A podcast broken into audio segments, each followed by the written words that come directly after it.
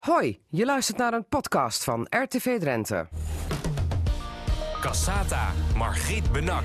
Het is zaterdag 14 december 2019. Goedemiddag allemaal. Dit is Cassata aflevering 1075.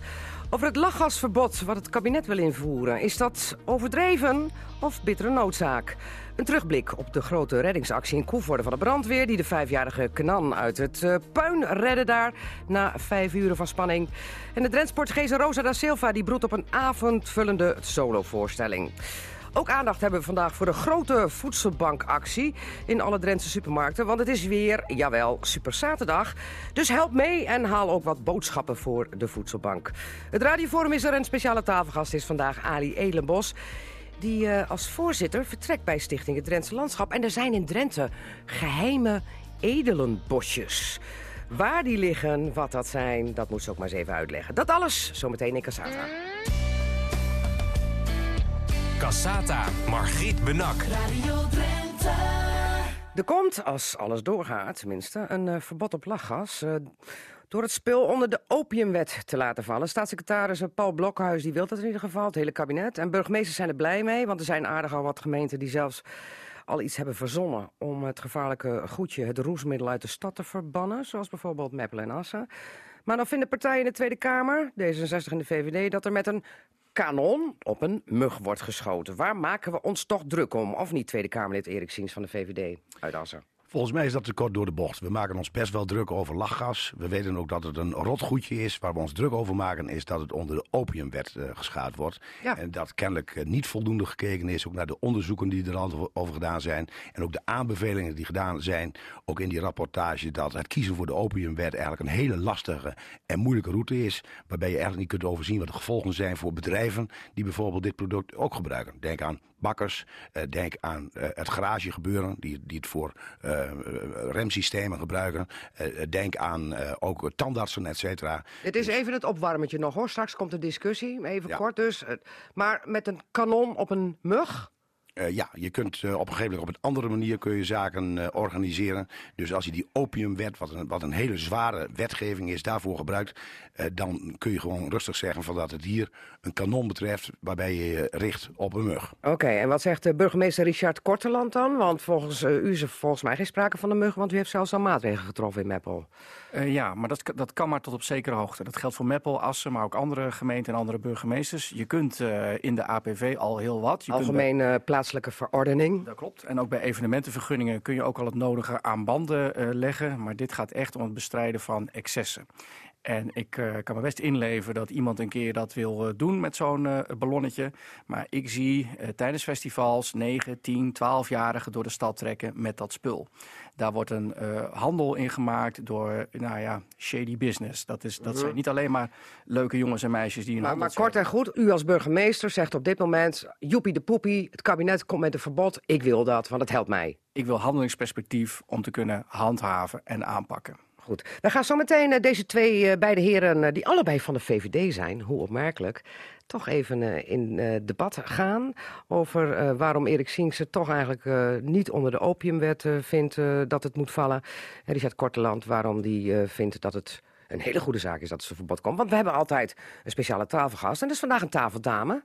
Ali Edelenbos, die loopt al wat jaartjes mee in de provincie Drenthe. Vroeger als gedeputeerde en de laatste twaalf jaar als voorzitter van Stichting het Drenthe Landschap. Maar er komt een einde aan, Ali Edelenbos. 1 januari is het voorbij. Ja, dat is zo. Ja, en dan bent u de langstzittende voorzitter van Stichting het Drentse Landschap. En ook blijft u recordhoudster, want meteen zijn de statuten aangepast. Want de volgende voorzitter kan hooguit acht jaar blijven zitten. Ja, je hebt, uh, je hebt er goed studie van gemaakt. Dat is inderdaad zo. Um, in um, organen, organisaties die uh, gebruik maken van uh, subsidiegevers. Daar geldt een goed governance code, die is afgesproken. En dan mag je niet langer als twee periodes zitten. Dus wij hebben onze statuten daar ook aan aangepast. Omdat wij gewoon ook keurig gecertificeerd ja. willen zijn. Um, ik, ik, ik, ik vind het jammer natuurlijk voor mezelf, want uh, ik ben nog, eigenlijk nog niet zo uitbestuurd.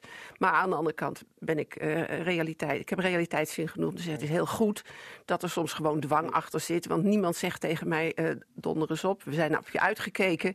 Dus het is ook gewoon dat het af en toe moet. En, um, Want als het dan nu had gelegen, was u niet weggegaan? Nou, nee, nee, ik had niet. Maar dat was bij de provincie twaalf jaar geleden ook al niet zo. Ik bedoel, op een gegeven moment wordt er gewoon politiek een keus gemaakt. Drie periodes gedeputeerde zijn is ook al heel lang. Ja. Komt ook niet zo vreselijk veel voor. En nu heb ik hier twaalf jaar gezeten. Ja, het enige wat ik nu kan zeggen van, goh, goh, goh, wat gaat die tijd toch snel? Maar ja, dat is ook een open deur. Um, nee, ik had nog best wel even. Uh, ik heb nog wel energie om door te gaan. Maar vergeet niet, een energieke vrouw van 72, mag ik dan toch zeggen? Bijna. Bijna, oh, bijna, excuus, net bijna 72. Maar goed, dat is uh, na de jaarwisseling meteen geregeld. Ja, nee, kijk, het is ook heel goed dat er gewoon andere mensen komen. De omstandigheden, hele, de politieke klimaat, de hele buitenwereld... van ook de Drentse landschap, maar dat gaat van alle organisaties is heel erg aan het veranderen. En dan is het gewoon goed dat de kussens even opgeschoten, uh, opgeschud worden. Nou, en dat gaat makkelijker onder een nieuwe voorzitter als een die er al twaalf jaar zit. Want die gaat dan toch nog wel eens zeggen, god, waarom moet dat veranderen? Dat doen we toch goed? Nou ja, zo, uh, ik ben gelukkig uh, nog altijd heel dynamisch. Ik heb veel kunnen veranderen. Maar ik vind dit ook prima hoor. En, en, en, dan, toch te, en dan toch te weten dat, uh, dat u dan uh, recordhouder blijft. Want uh, de volgende voorzitter mag hooguit acht jaar. Ja, gezellig. Hè? Leuk hè? Als een keer zo'n programma krijg waar je een tegeltje kan invullen. Dan zet ik dat erop. Ik ben lekker twaalf jaar voorzitter geweest. Ja, ja. en, en als, als je terugblikt op twaalf jaar. Wat is dan het eerste wat naar boven schiet?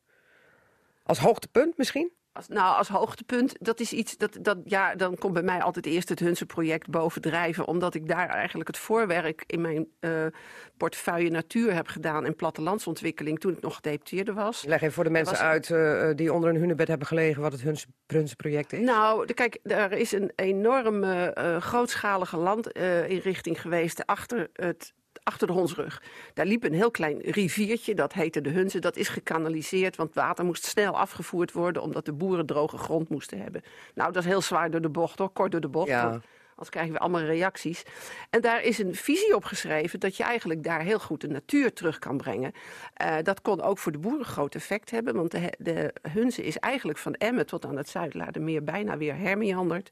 Dat betekent dat alle vier eh, bochtjes er weer in liggen, waardoor het veel groter en veel uh, meer capaciteit heeft om water op te vangen. Als waterbuffer? Als waterbuffer. En gelijktijdig, we hebben daar dus door dat project ook boeren uitgeplaatst, want je kunt boeren niet met hun grond onder water zetten. En uh, ja, daarmee is dus de natuurwaarde ontzettend gestegen. Er moeten nog wat hectares komen, want we hebben nog niet alles. Want je kunt zo'n gebied pas goed gaan beheren als het helemaal af is. Maar eh, ja, ik kan alleen maar zeggen, en dat is wel eens heel leuk in deze tijd van alle mopperende boeren. De boeren die daarbij betrokken zijn en daarmee naar nieuwe locaties zijn verplaatst, die zijn met dat Hunse project ook erg gelukkig geweest. En de bevers ook, hè? De bevers ook. En ik, wat, wat ik dan zelf heel, ik ben, ik ben ik heb geleerd over natuur, maar ik ben helemaal niet een natuurfanaat van huis uit. Wat ik het allerwonderlijkste vond, dat nog maar net een aantal stukken waren uh, ingericht. Dat het jaar daarna vogels uit Amsterdam en uit de hele Randstad vogelaars al kwamen kijken naar alles wat hier kwam ineen aan nieuwe soorten vogels. Mhm. Nou ja, dat is dan top, hè? Dat heb je dan toch maar weer bereikt. Ja, de boeren daar in de buurt blij en ook de vogels blij. En de ja, dat mag je wel zeggen. En Adi Elenbos is blij. Helemaal gelukkig. Goed, we gaan zo meteen uh, verder praten over 12 jaar uh, als voorzitter van Drenthe Landschap. Uh, ook misschien nog vlekjes die er zijn en andere zaken.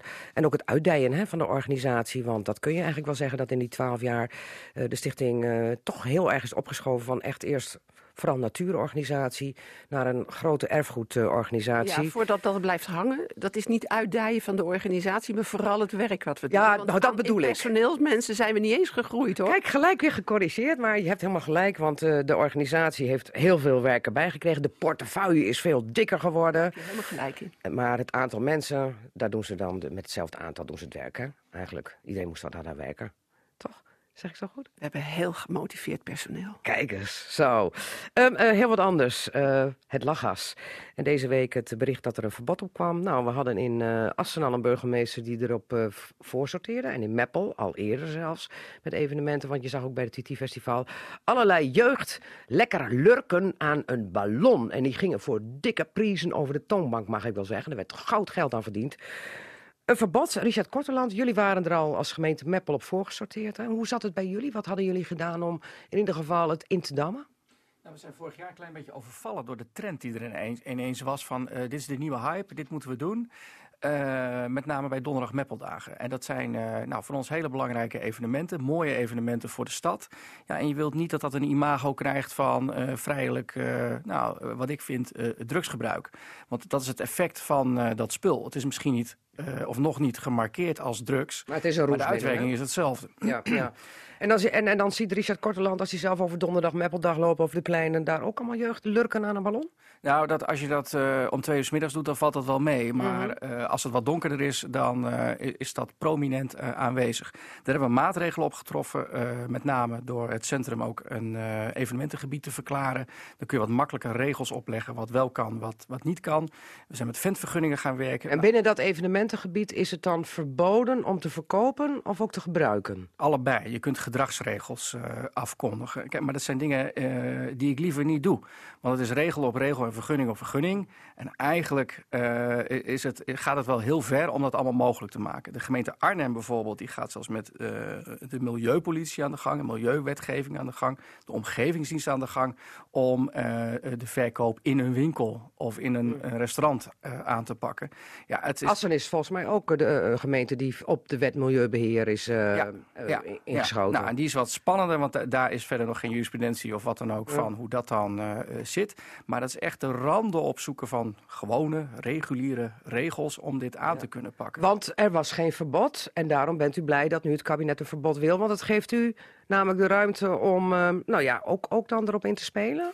Nou ja, dus even kijken hoe dat dan gaat lopen. Ik ben blij dat de staatssecretaris in ieder geval onderkent... we hebben een probleem en dit gaat niet goed. En ik wil als burgemeester dit in mijn stad gewoon niet hebben. Dat geldt voor uh, kinderen die ik dat zie doen, maar ook uh, uh, ouders. Kom op, dit moet je, dit, die willen dat ook niet voor hun kinderen. En ik, Want wat is het gevaar? Leg nog even uit. Nou, het gevaar, kijk, dat is, dat is het gevaar bij alles wat je te veel gebruikt. En dat geldt voor roken en alcohol natuurlijk ook. dat realiseer ik me heel goed. Dit is te veel, die roesjes, er wordt mee gereden. Er gebeuren auto-ongelukken uh, mee. Ik heb zelfs verhalen gelezen over de dwarslesies... wat een enorm aantal mensen uh, wat zich meldt bij ziekenhuizen is toegenomen... En met neurologische problemen. Dat klopt. En de moeilijkheid is nu, de lange termijn effect is allemaal nog niet bekend. Maar nou, zullen we daar gewoon nou dit keer eens niet op wachten... En gewoon allemaal even normaal doen. Want anders wordt het als het kalf verdronken is, dem en de put. Ja. ja, ja. ja. Erik Siens, um, de VVD, met een, met een kanon op een mug... Um, u zegt van het is een te zwaar middel om het onder de opiumwet te laten vallen. Waarom? Ja, simpelweg omdat uh, kennelijk ook, en dat komt hier aan de tafel niet goed aan de orde, vind ik. Het, als nou, daarom zit u hier. Als je, als je lachgas natuurlijk ziet, ik maakte het zelf onlangs mee in Den Haag, dat ik op een donderdagavond laat uit een debat kwam. En zelfs voor de cafés van die fietskarren zag staan met grote tanks erop, waar inderdaad die ballonnen opgeblazen werden ja. en verkocht werden. Maar waar gaat het hier ook om? Het gaat bijvoorbeeld ook om simpelweg de patronen die een bakker gebruikt voor zijn slagroomkidden. Het gaat om patronen die inderdaad gebruikt worden ook door de horeca ja. in hun keukens. Dat betekent dus dat je, als je dit soort dingen onder de opiumwet laat scharen, dat we straks een enorme administratieve romslomp opzadelen voor uh, die bedrijven die dat gewoon als gebruiksartikel... Maar het gaat erom, hanteren. heeft Paul Blokhuis gezegd... recreatief gebruik wordt verboden. Ja. En niet het industriële gebruik. Nee, en hoe ga je dat dan controleren? Dus we hebben met elkaar gezegd... wij zijn het er ook over eens dat het een een rotgoedje is. We hebben ook geconstateerd dat het aantal auto-ongelukken toeneemt. Dus we zien wel degelijk dat zich een probleem uh, opstapelt. Daar willen we ook zeker iets aan gaan doen. We zeggen alleen die opiumwet is daartoe niet geschikt. Want als je dat inderdaad op die wijze gaat doen met een hele administratieve romslomp rapporten wijzen dat ook uit. Dat betekent vervolgens dat je daar uh, ondernemers mee opzadelt met administratieve handelingen, et cetera, et cetera. En dat gaat onze brug te ver, dus nou, daar zullen we ook vragen over gaan stellen. Ja, maar hoe, doe je, hoe moet je het dan doen? Nou ja, er zijn andere richtingen ook aangegeven in die rapportages. Nou, maar noem het eens even. Nou ja, we zijn tot 2016 hebben we het natuurlijk geschaad onder de geneesmiddelenwet. Dus het was toen verboden. Het is pas in 2016 door een uitspraak van de Hoge Raad is het vrijgegeven ja. en onder de warenwet terecht. En zit je met de gebakken peren. Dus je zou uiteindelijk ook kunnen gaan kijken of er andere routes zijn qua wetgeving. Het werd hier net al genoemd, uh, qua uh, milieuwetgeving, et cetera. Allerlei zaken zijn mogelijk. Alleen op het moment als je het onder de opiumwet schaadt, ga je een enorme druk neerleggen bij allerlei mensen die er gewoon op normaal uh, gebied... Maar je kunt daar er gewoon uitzonderingen van maken, of niet, Richard uh, Korteland? Dat laatste wat ik uh, meneer Sieks nu hoor zeggen, dat, dat, dat heb ik wat gemist in het, in het debat. Ik heb nog wel begrip dat hij zegt, nou, ik vind, het, ik vind het te zwaar, want meneer en ik lusten, allebei wel een appelgebakje met wat slagroom. slagroom. erop, dat snap ik. Maar ik wil uh, ook een erkenning voor dat in onze steden dat dit gaande is en dat je hier iets aan moet doen. Dan hoort dan ook bij uh, wat je dan wel gaat doen. En een waslijst aan dingen die je, die, die je niet wilt, ja, dat, dat snap ik wel. Maar daar kun je toch ook zaken voor regelen, denk ik dan? Als het gaat om het industriële gebruik. De bakker die toch uh, die slagroom, uh, dat, dat patroon moet kunnen blijven gebruiken. Volgens mij is dat toch niet zo ingewikkeld? Ja, en daar zal de staatssecretaris denk ik ook duidelijkheid in moeten geven van hoe die dat gaat doen. Want niemand wil ondernemers dwars zitten die niets te maken hebben met het misbruik van, van dit spul. Daar is volgens mij ook geen enkele discussie over. Maar het gaat mij om, om het doorpakken van een excess in onze uh, steden. Ja, en als je nou die discussie nu weer krijgt dan over wat de VVD en ook D66 vindt, bent u dan bang dat het weer uh, echt een ellenlange discussie wordt, waardoor er uiteindelijk niks mee bereikt wordt en het verbod maar steeds verder opgeschoven wordt? Ik ga ervan uit dat uh, regeringspartijen uh, die zeggen doorgaans hele verstandige dingen, dat die ook zullen zeggen wat wij wel gaan doen en wat wij wel gaan doen. Maar ik neem aan dat u als VVD er ook not amused was toen u hoorde dat de regeringspartijen D66 en de VVD ervoor gingen liggen. Want ik zag op, op Twitter van u een heel blij bericht van... Yes, verbod, lachgas, mooi. Aanpak. Ik heb contact gehad met de woordvoerder van de, van de uh, VVD-fractie. Van nou, uh, wat is dit nou? Wat maak je me nou? Maar daar uh, stonden gelukkig nog een aantal quotes en verhalen onder. Ja, maar wacht even. er zit nog iets tussen verbod en, en opiumwet in. Ja. de heer zei al, nu zei al, het komt ook uit de, genees, uit de hoek van de geneesmiddelen. Sinds het daar weg is en het dus vrijelijk toegankelijk is, is die hype ook begonnen. Ja. En ik wil dat die hype eraf gaat. Ja. Maar is dat niet het probleem? Elenbos, ja, nou, kijk, ik, ik, ik permitteer mij hier geen deskundigheid over, maar ik volg de publiciteit. En ik heb een beetje het gevoel dat ik er tussenin zit. Want ik denk dat je die rotzooi gewoon moet verbieden. Maar ik heb ook even gekeken wat er dan staat. Dan komt het op lijst 2 van de opiumwet. En er staat cocaïne, er staat op lijst 1 en ecstasy staat er ook op. En ik vraag me af of het plaatsen op zich onder de opiumwet wel effect heeft. Ik is heel moeilijk te handhaven. Je moet heel veel regelgeving maken voor uitzonderingen. En ik zou veel liever dat verbod op een andere manier regelen. Maar dat is mijn hele ja, maar de vraag is dan hoe. De vraag is dan hoe, hè? Ja, maar de minister of de, die heeft zelf in zijn persbericht gezegd... het duurt nog zeker negen maanden voordat ik dit kan regelen. Zware en in de tussentijd moeten de burgemeesters het op... Uh, Groningen heeft het inmiddels ook uh, behoorlijk geregeld. Mij, mij ook om gaat, Richard Dat is de handel die erachter zit. uh, want dat zijn jongens en meisjes, nogmaals... Dat, die ook wel eens in drugsgerelateerde dingen doen. Dat is onfris... Uh, die met hele flessen uh, door die stad uh, zeulen. Het is levensgevaarlijk. Daar heb ik het niet meer over een ik, ik heb gehoord van die tanks die ze, dan, die ze dan aanschaffen. En daar zit vol met lachgas. En dan gaan ze de hele avond allemaal ballonnen gewoon lekker mee oppompen. Wat, wat, erger is, is de ontwikkeling. Dat las ik gisteren. Um, is dat het niet meer jongelui zijn die eraan gaan verdienen. Erg genoeg hoor, want ik vind het schandalig. Dat je maar dat inmiddels de, de, de, heren en de dames van de grote criminaliteit, ja. de grote drugs, die gaan deze handel overnemen. Dus dat er wat aan gebeuren moet, ja. lijkt me wel duidelijk.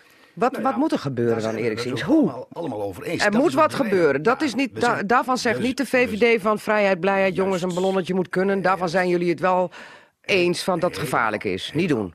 Een aantal oplossingsrichtingen voor de korte termijn die zijn hier net al aangegeven. Hè? Dus de APV, waar we het net over hadden. Ja, maar dan moet elke gemeente weer op zijn manier dat gaan doen. Zo so wat. Okay. Als je met elkaar uh, middels uh, de VNG, de Vereniging van Nederlandse Gemeentes, dit soort best practices gewoon deelt, dan weet je gewoon dat je op korte termijn een aantal zaken heel goed zelf kunt gaan regelen.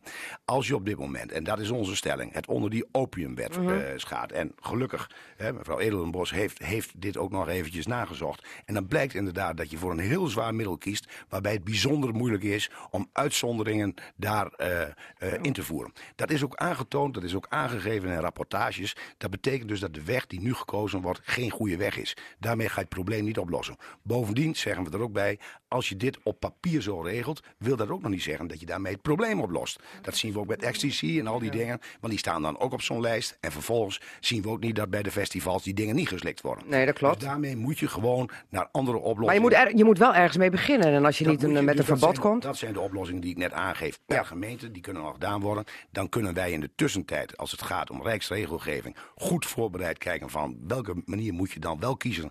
En ga tussendoor, en daar zijn ze al mee bezig op dit moment, met een uh, club om ook in die communicatie, dus ook naar buiten toe duidelijk te maken aan de jeugd waarmee ze bezig zijn. Dat ze ook daadwerkelijk nu weten wat de gevaren zijn. Ja. En ik denk dat die bewustwording ook een hele belangrijke is. Okay. Handhaving nog even, Richard Korteland. Want jullie hebben dat nu hè, met de donderdag Meppeldag uh, besloten. Gaan jullie het verder nog uitbreiden? Ook naar bijvoorbeeld disco's, kroegen? gebruik? Nou, wij zitten op de, de, de randen van wat, uh, van wat kan. Dus met die plaatselijke verordening, die APV, kan ik uh, in de openbare ruimte best wel veel.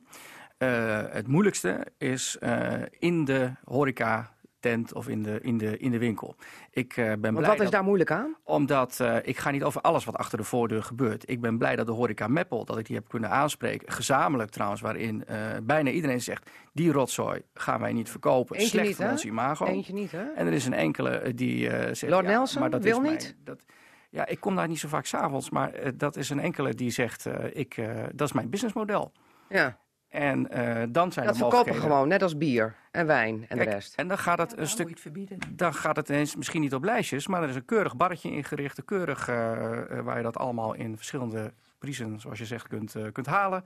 Ja, wacht even. Ik vind het niet passen bij deze gemeente. Maar heb je dan een middel als burgemeester? Dan uh, zou ik nog kunnen kijken rondom milieu en de, en de omgevingsdienst. Ja. Maar nogmaals, ik, uh, ik zoek de randen nogal op. En Ja. ik heb wat hulp nodig van de Rijksoverheid. En nogmaals, over de opiumwet of de geneesmiddelen, dat maakt mij allemaal niet Als er uit. maar een verbod komt. Maar handel. Ja. En wie controleert nou straks met donderdag Meppeldag? Nog meer drukte voor de agenten? Nee, maar dat doen ook onze uh, BOA's er gewoon bij. Buitengewoon opsporingsambtenaren. Oké. Okay. Zijn de eerste bonnen al uh, uitgedeeld? Uh, bij mijn weten is er ook het nodige in beslag genomen. Ook okay. aan, van handelaren Ja. die, Ja. die ver vergeten waren te vragen of dit allemaal wel mocht in Ja. Even naar de guilty pleasure. Zelf al even het middel geprobeerd om te kijken wat heeft het voor effect? Nou, zoals ik al zei, ik heb wel inlevingsvermogen, maar inhaleren, dat heb ik nog niet uh, gedaan. Oké, Erik Sings, uh, al aan een ballonnetje gelukt? Nee, ik, ik, moet er niet aan, ik vind het zo'n dwaas gedoe. Uh, ik, moet er, ik moet er helemaal niet aan denken, aan dat soort dingen. Okay, maar volgens mij word je er nog dwazer van als je er wel aan lurkt. Dat zal ongetwijfeld, Ja, dat zal ongetwijfeld het geval zijn, maar uh, ik ben nu al goed bij stem. Ik wil het graag zo houden. Ja. Um, uh, hoe loopt dit af? Wanneer is er iets, een verbod of wat dan ook? Kijk, hoe gaan jullie het in de, Kamer aanpakken? Discussie, de politieke discussie wordt nu gevoerd. Het staat op de agenda. Dat betekent dat er gekeken wordt naar andere oplossingen. Volgens mij zijn alle partijen het wel over eens dat het een rotgoedje is. Alleen waar het verschil nu even in zit, is de wijze waarop je het gaat uh, bestrijden. Mag Dus ik je dan heel veel succes wensen daarmee? Ja. Want er zijn ook diverse ogen die met het vuurwerk met oud en nieuw sneuvelen. Oh. Daar praten we dus ook al jaren over. Dat is ook heel slecht. Oké, en Ja, dat duurt dat ook al heel lang. Laten we het niet en- over het vuurwerk gaan hebben. Zo Eh, nog Richard. Korteland, eh, eh, waar hoop je nu op als burgemeester? Ik hoop dat uh, de regeringsfracties in het bijzonder zullen doorpakken van uh, dit is een gezondere uh, maatregel waar de gemeente iets uh, mee kunnen om het aan te pakken. Ja, en zelf als gemeente Meppel gewoon de eigen koers vasthouden en kijken of je eh, binnen de randen van de wet eh, dingen kunt aanpakken. Absoluut. Goed zo. Richard Korteland, burgemeester van Meppel en, Meppel en Erik Sings, VVD-Kamerlid uit Assen. Dank jullie wel voor deze discussie. Cassata. Cassata. Margriet Benak. Radio Drenthe. Zometeen alles over de wonderlijke reddingsactie een week geleden in Koevoorde. Nadat een gasexplosie in Grillroom compleet deed instorten en onder het puin lag urenlang het knulletje van vijf jaar oud Knan. En wist u dat er in Drenthe tien geheime wilde edelenbosjes zijn? Ja, één grote wilde edelenbos, dat wisten we wel, dat is Ali Edelenbos. En daar zijn die bosjes naar vernoemd. Zij vertrekt per 1 januari als voorzitter van het Drentse Landschap... en is daarom vandaag speciale tafelgasten. Maar eerst eh, gaan we naar Optjak. Oh, de technicus schudt van nee. We wilden even gaan kijken bij Erwin Kikkers, want uh, die is uh, afgereisd naar Emmen in verband met Super Zaterdag. Maar de verbinding is er nog niet helemaal, dus we komen daar later op terug. Gaan we eerst even naar Johan Benen, want die is bevelvoerder van de brandweer in Koevoorden. En dat was toch wel een hachelijke reddingsoperatie vorige week daar van dat uh, vijfjarige knulletje. Nadat de grillroom Alibaba compleet omver werd geblazen door een uh, gasexplosie. Zo heeft ook onderzoek uh, uitgewezen. Welkom Johan Benen. Urenlang lag het zoontje daar onder het puin. Ook nog dreigde hij onderkoeld te raken omdat hij ook nog in het water bleek te liggen. En gisteren komt dan het bericht, nadat hij uren daar onder het puin heeft gelegen... en wonderbaarlijk door jullie als brandweer eruit is gehaald dat hij al naar huis mocht vanuit het ziekenhuis. Ja, Wat goed bericht. Ja, goed bericht. Ja, zeker. Ja, want hoe komt dat dan bij jou binnen als je dat dan hoort? Ja, na, na zo'n eh, zo'n urenlange inzet is dit eh, ja, toch wel even het, eh, het pareltje op, op je werk wat het dan betreft. Ja, Ja, zeker. Hartstikke leuk. en dan is dat weer een, nieuw, een nieuwe ontlading die Ja, nieuwe, nieuwe ontlading. Je, je hebt het er ook al over met je collega's, zowel in Koevoorden als Schonebeek. Dat ja, je alles hebt gedaan om het tot een goed einde te brengen. En ja, we zijn daar super tevreden over. En op het moment suprem, hè, want hebben mensen geen idee van hoeveel mensen waren daar ter plaatse om dat eh, knulletje uit het puin te redden? Nou, als je het uh, zo allemaal optelt, moet je rekenen vanuit onze brandweerpost Koevoorden... waren we met een, een twintigtal vrijwilligers te plaatsen, mannen en vrouwen. Vanuit Schonebeek waren we met een achttal vrijwilligers. Dan komt er een heel opschalingsmodel, zowel ja, logistiek en ondersteuning politie, ambulance en ja, overige diensten die ons hebben geholpen. In totaal 120 tot 130 hulpverleners op uh, die kleine locatie. Ja, het lijkt wel een beetje een mierennest waar het krioelt van de hulpverleners. We gaan er zometeen uh, verder uit, uh, uitgebreid over praten. Over dat het toch eigenlijk wel een wonder is dat die jongen er zo goed van afgekomen is. Heeft waarschijnlijk wel engeltjes op zijn schouder gehad. Een stuk of tien misschien wel, of niet, ja. Ali Helenbos? Vooral kruiken, geloof ik. Ja, en kruiken ook. Komen we zo meteen ook nog over praten. Want mensen hadden geen idee, maar hij bleek dus gewoon in, in water te liggen... wat daar uit de gewone kraan... Drinkwaterleiding. Drinkwater waterleiding kwam. Maar die was natuurlijk ook kapot gesprongen. Eerst nog even naar Ali Elenbos, speciale tafelgasten. Straks weg als voorzitter Drentse Landschap per 1 januari officieel. Um, als we dan kijken naar het Drentse Landschap, wat is het belang van die stichting het Drentse Landschap die al 85 jaar bestaat? Ja, dit was uh, ons jubileumjaar. Ja. hebben we ook feestelijk met allerlei activiteiten gevierd. Um, ja, nou, ik ga niet even achter 85 jaar uh, terugkijken. De meeste mensen kennen het Drents landschap in Drenthe heel goed. Maar wat vooral de laatste jaren erg in ontwikkeling is geweest, is dat wij veel meer partner in allerlei organisaties in, uh, in, in, uh, in de hele Drentse provincie zijn geworden. Daar waar wij vroeger subsidie hadden om een opdracht te vervullen. We waren een donkergroene organisatie. Wij moesten natuur beheren ik wil wel even tussen twee haakjes zeggen, dat deden wij niet omdat voor onszelf als bedrijf, maar dat was een maatschappelijke opdracht. Wat wij beheren, beheren we voor onze omgeving en voor onze maatschappij. Maar de laatste, zeg maar, goed acht jaar zijn wij omgevormd tot wat wij zelf dan noemen een trustorganisatie. Ja. En heel kort gezegd, alles wat Drenthe Drents maakt, is ons aangehoogd, om het maar zo te zeggen. Daar gaan wij over. En dat betekent dat uh, wij uh, inmiddels veel contacten met gemeenten hebben. We hebben bij Noorderveld en Koevoorde afspraken gemaakt om molens over te nemen. Uh, de provincie was eigenlijk de eerste die een beroep op ons deed, al heel lang geleden, om de hunnebedden te gaan beheren. En uh, inmiddels hebben we met diverse kerkelijke gemeenten afspraken gemaakt om kerken over te nemen. Dat gaat allemaal niet zomaar, maar wij zijn daardoor wel een trust geworden. Ja. Dat betekent dat we niet alleen natuur in onze portefeuille hebben, maar ook culturele erfgoed en een behoorlijk stuk archeologie van onze provincie. Als ik even kijk naar jullie portefeuille hè, in uh, die 85 jaar, dan uh, hebben we het over 9200 hectare natuur. 310 monumentale gebouwen, 22 hunebedden, maar we hebben natuurlijk meer in Drenthe. Maar de andere hunebedden zijn uh, in eigendom van Staatsbosbeheer, heb ik begrepen.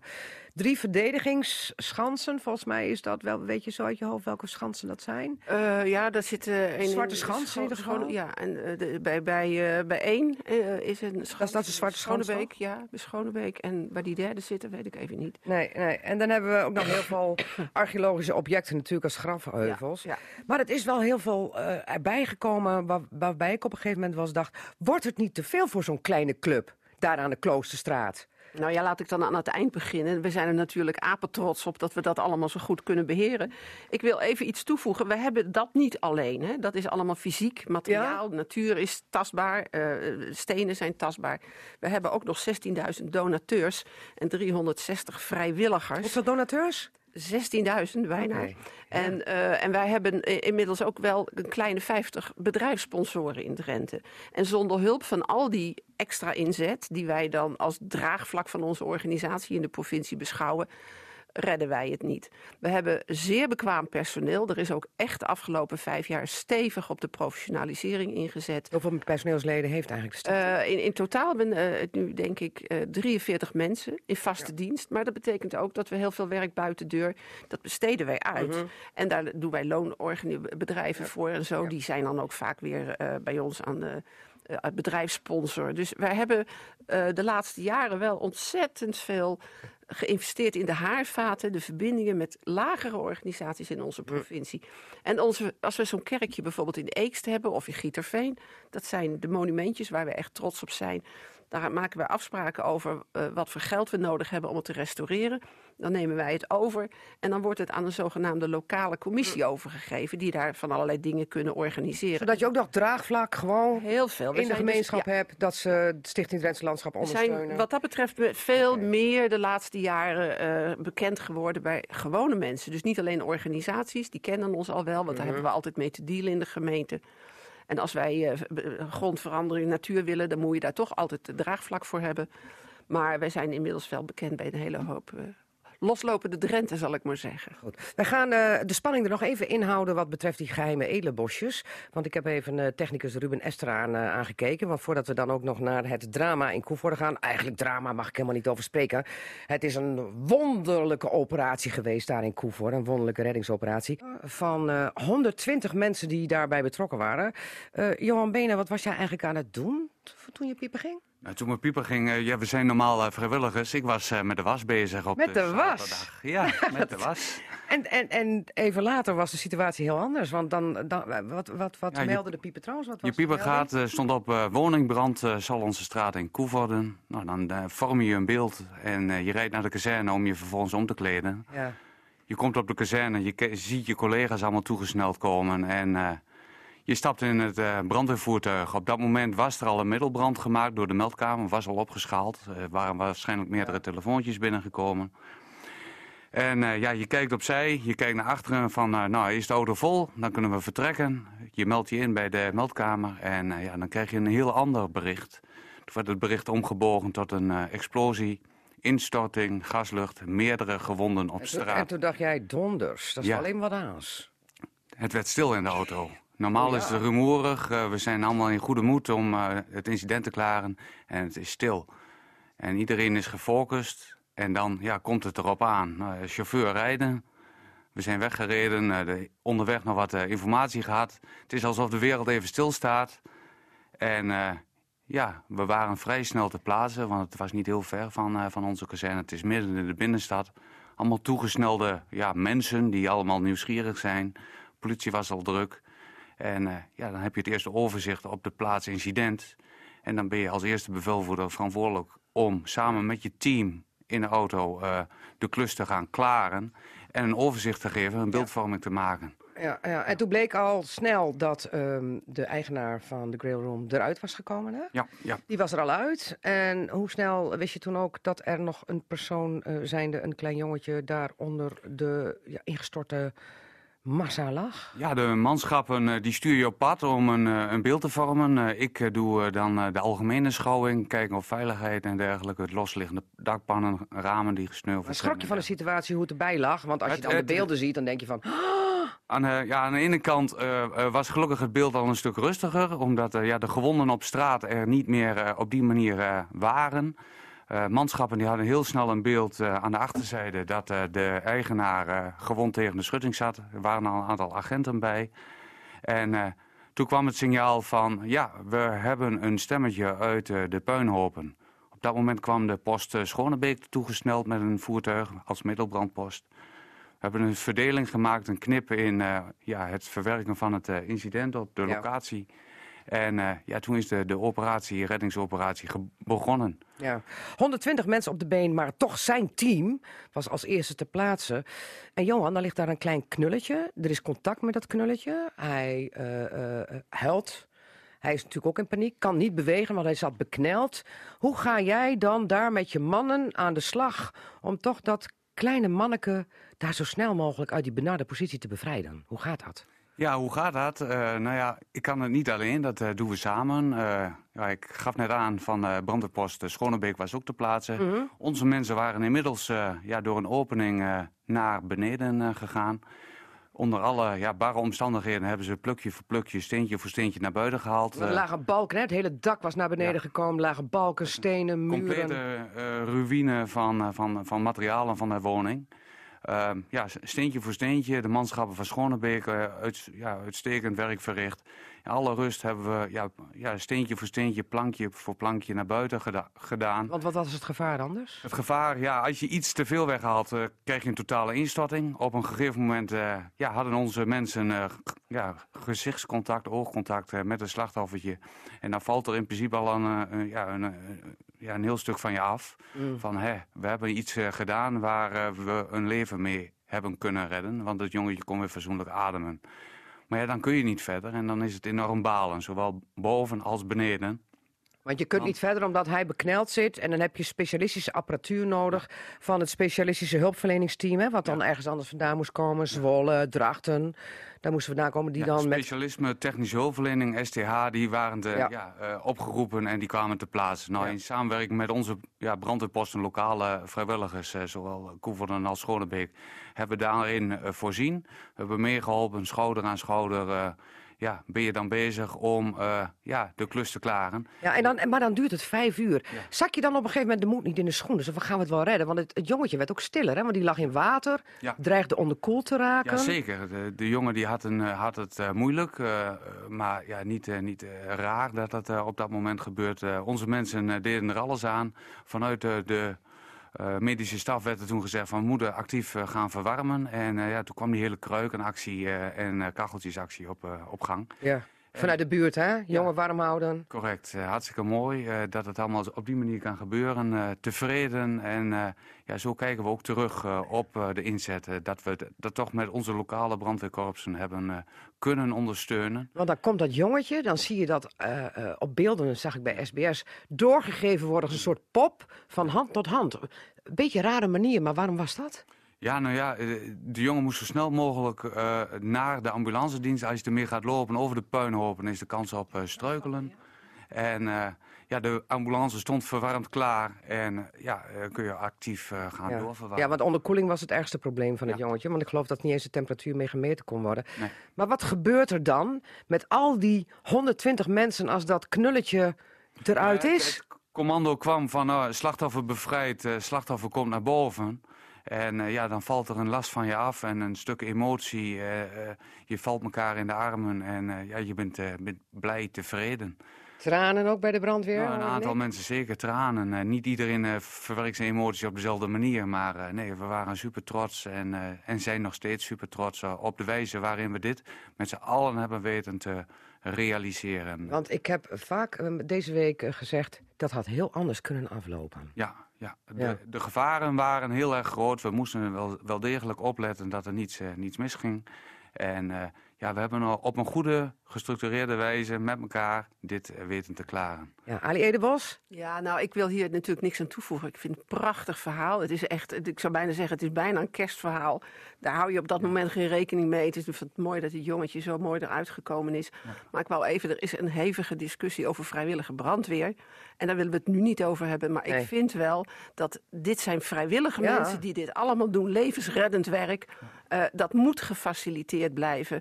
En ook de inzet die jullie plegen, de manier waarop je erover praat, hoe het gedaan is. Ja.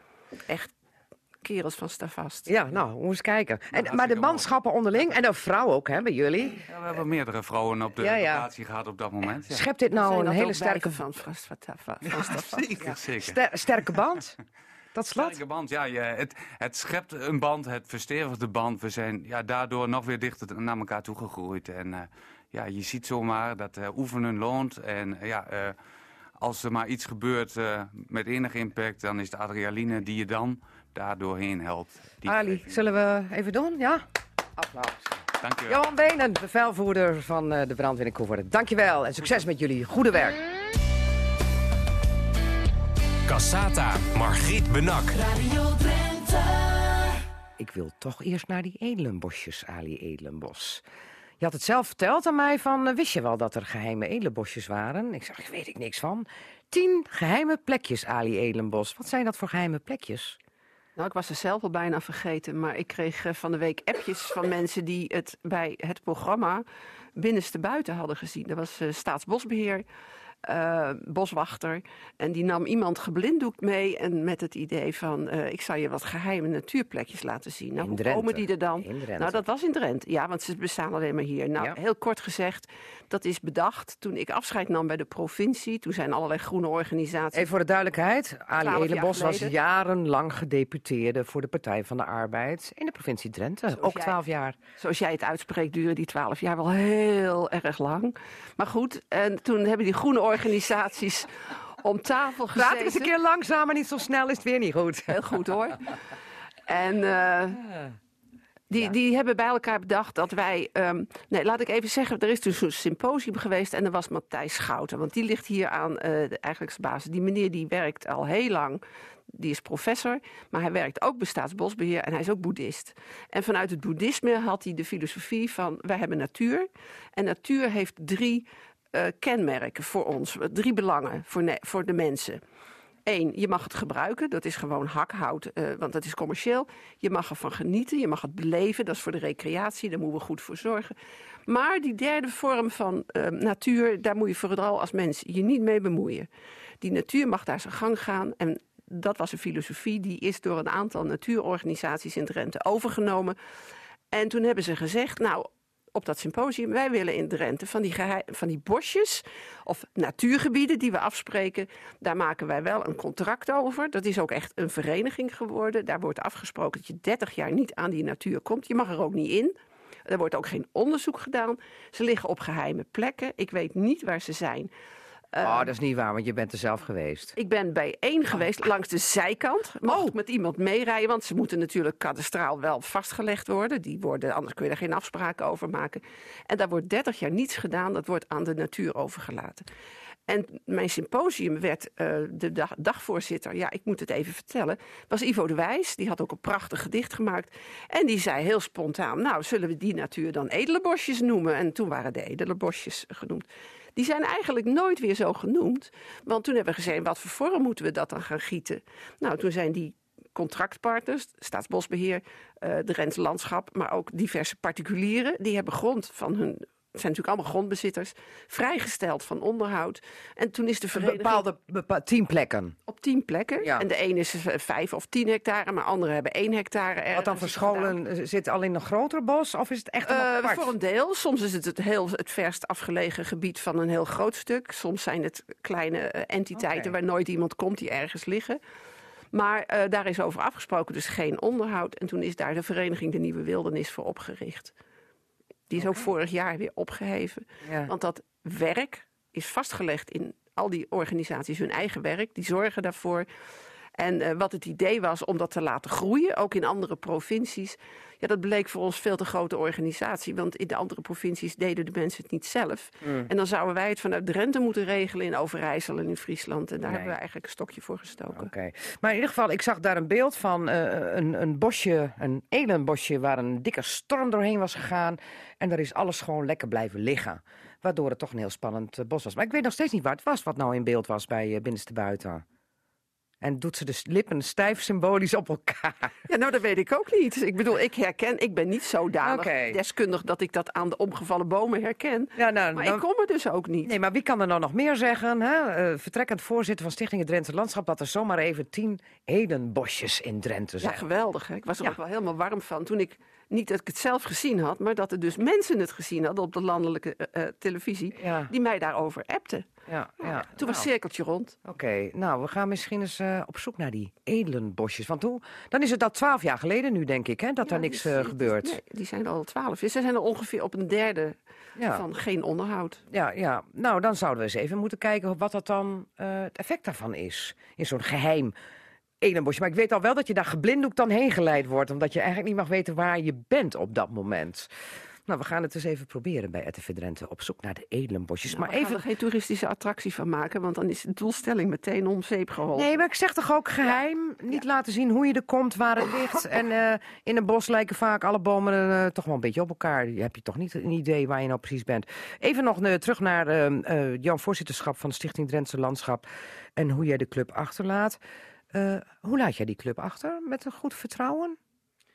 Uh, ja, ik, uh, ik denk dat wij uh, een geweldige organisatie hebben, heel degelijk. Er is heel veel geïnvesteerd, dat zei ik zo straks al eventjes, in de professionalisering. Maar zoals het met alle organisaties gaat, is het nog een crime. En daar zijn we heel hard mee bezig om alles digitaal en met via ICT goed te regelen. Dat is ook bij ons een probleem. Maar dat is nu bijna afgerond. Dat schijnt ook met onderhoud allemaal te kunnen, hè? Dat, dat ja, dat is, ja, met allemaal die jongens die buiten lopen moeten kunnen communiceren met alles op kantoor en alles wat op kantoor gebruikt. Nou ja, wij willen als Raad van Toezicht graag met een druk op een knop, wij eisen ook, hè, willen we weten hoe de financiële stand van zaken is. En ik zei al, we doen niet alleen in natuur, we hebben ook cultureel erfgoed. En daardoor zijn er wel miljoenen en miljoenen extra onder onze verantwoordelijkheid gebracht. Dus dat je daar heel goed op toeziet, wordt wel veel uh, essentiëler. En, uh, ja, want zo'n herstel uh, van zo'n havenzaten, Oldengaarde heet dat volgens mij. Ja. Dat kost ook al miljoenen, toch? Miljoenen. Ja. En wij gaan daar ook pas mee akkoord. als, het, als het projectplan klaar is, we hebben dat wel in tien onderdelen geknipt, maar als voor elk onderdeel het geld ervoor is, de Rens Landschap is een erkende monumentenorganisatie, heeft de POM-status, zoals dat heet. Kan ook dus makkelijk. De POM of de POM? dat is. Nee, POM. Oh, POM. En dat betekent dat je gewoon makkelijker aan subsidiebronnen kan komen, omdat je daarmee een soort certificering hebt. Ja, maar dat geld hebben jullie natuurlijk niet zelf in kas. Jullie weten natuurlijk alle wegen te bewandelen, hoe je daar. Ja, maar dat is voor zoiets, wat, wat, zoals Olgaard is echt giga. Maar dat uh, ligt even, de provincie ook in, in Dwingelo. Ja. En uh, dat is echt geweldig wat, wat daar gebeurt. Maar toen ik daar uh, voor het eerst kwam, toen we het net gekregen hadden, is wel mij uh, even de schrik om het hart geslagen. Toen dacht je, dacht ik, is dit ons niet veel te groot? Nou, en, Omdat het toch wel een puinhoop was, trots op hoe het is. Ja, ja. Nou, niet, het, het was, het was oud. De mensen hebben het zelf op hun manier wel goed onderhouden. Maar vergeet niet, als wij zoiets krijgen, dan moeten wij het geld bij elkaar harken voor de renovatie is één hè, en de restauratie. Dat is maar eenmalig.